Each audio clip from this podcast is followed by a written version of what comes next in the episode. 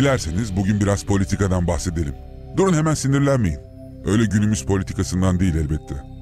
Eskilerden bahsedeceğiz. Aslında eski mi yoksa yeninin temelleri mi ona siz karar vereceksiniz tabii. Burası imparatorluğun başkenti, Roma. Nice hükümetlere kumandanlık yapmış, medeniyetin beşiği sayılan Roma. Tabii medeniyetten ne anladığınıza da bağlı. Daha sonraki yıllarda imparatorluk Batı ve Doğu Roma olarak ikiye bölünecek ve her iki yönetimde de bir takım karışıklıklar meydana gelecekti.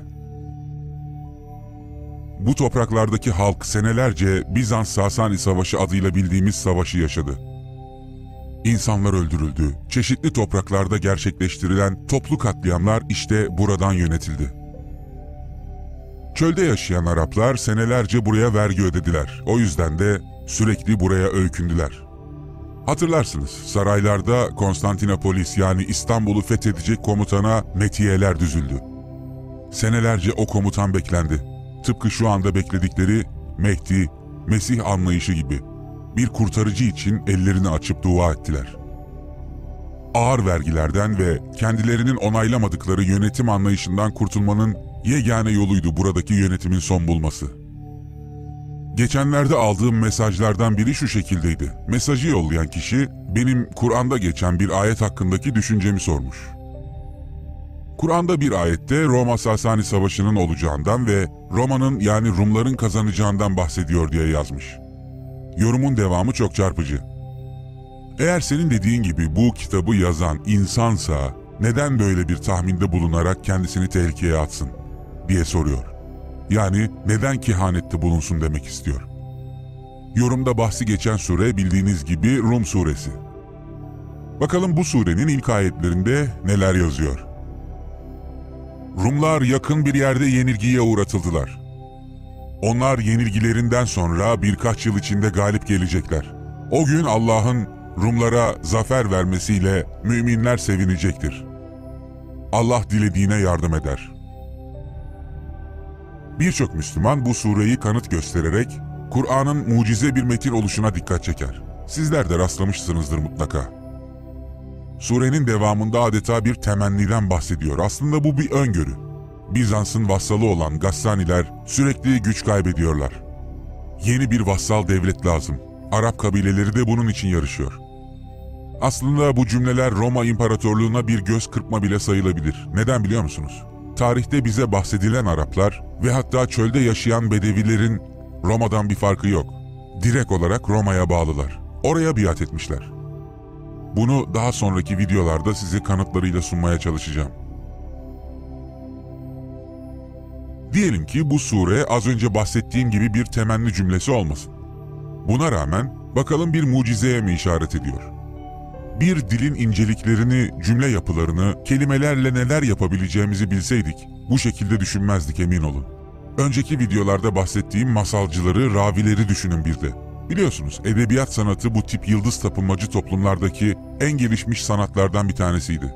Tüm hikayelerini bir sonraki nesillere kelimelerle ve cümlelerle aktardılar. Ve insanlar üzerindeki hakimiyetlerini de kendi kurdukları bu dahiyane ve sihirli cümlelerle sağlıyorlardı. Ne kadar da günümüze benziyor aslında. Aynı olayı 2-3 farklı gazeteden farklı yorumlarla okuyoruz. Yine de her iki farklı düşüncenin ateşli savunucuları çıkıyor ortaya. Oysa olayı kendi gözlerimizle görüyoruz şu anda. Günümüzde televizyonlar, gazeteler var olmasına rağmen. Eskiden bunlar da yoktu biliyorsunuz. İnsanlar saraylarda olan biteni sadece ravilerin anlattıklarıyla hayal ettiler. Şimdi size eskiden yaşanmış bir olaydan bahsedeceğim. İyi dinleyin lütfen. Sene 1923. Mustafa Kemal önceden beri parlamenter meclisin İstanbul'da değil Anadolu'da toplanmasını istiyordu. Mustafa Kemal çok kısa bir zaman sonra işgal altında olan İstanbul'da meclisin tehlikede olduğunu savunacak. Atatürk'ün bu düşüncesine karşı temsilciler heyetinin gerçekleştirdiği toplantılarda meclisin İstanbul'da toplanması fikri ağır basacak ve meclis üyelerini belirlemek için Ali Rıza Paşa hükümeti döneminde seçimler yapılacak. Bu aşamadan sonra planlanan Cumhuriyet yönetimi için ilk adımlar atılıyor. Ne oldu şimdi? Ben cümlelerimde gelecek zaman kullanarak kehanet mi yaptım? Hayır. 97 sene önce yaşanmış bir olayı anlattım size. Bir dilin kullanılmasına yönelik farklı yöntemler var. Bu hemen hemen her dilde böyle. Az önce bahsettiğim olay 1923 yılında yaşanmış bir olay ama ben bunu size 2020'de anlattım. Bu şimdi mucize mi oluyor? Zaten kitabın içindeki metinlerin ne zaman yazıldığı, hangi sene kaleme alındığı bizlere seneler sonra saraylarda yazdırılmış hadisler vasıtasıyla anlatılıyor. Bunu her zaman söylüyorum. Aklımızdaki algıyı yıkmak gerek. Bu algıyı bu metni yazanlar oluşturdu. Uydurulmuş bir tarihi kendi yönetim anlayışları için süsleyerek bu algıyı oluşturdular. Ne yazık ki ön kabullerimiz var. Bu ön kabulleri yıkmadan ne yazılmış metni anlayabiliriz ne de asıl anlatılmaya çalışılanın ne olduğunu. Kitabın içerisindeki birçok metin yani ayet dedikleri cümleler iddia edildiği tarihten çok öncesine ait. Kimileri de iddia edildiği tarihten çok sonrasına.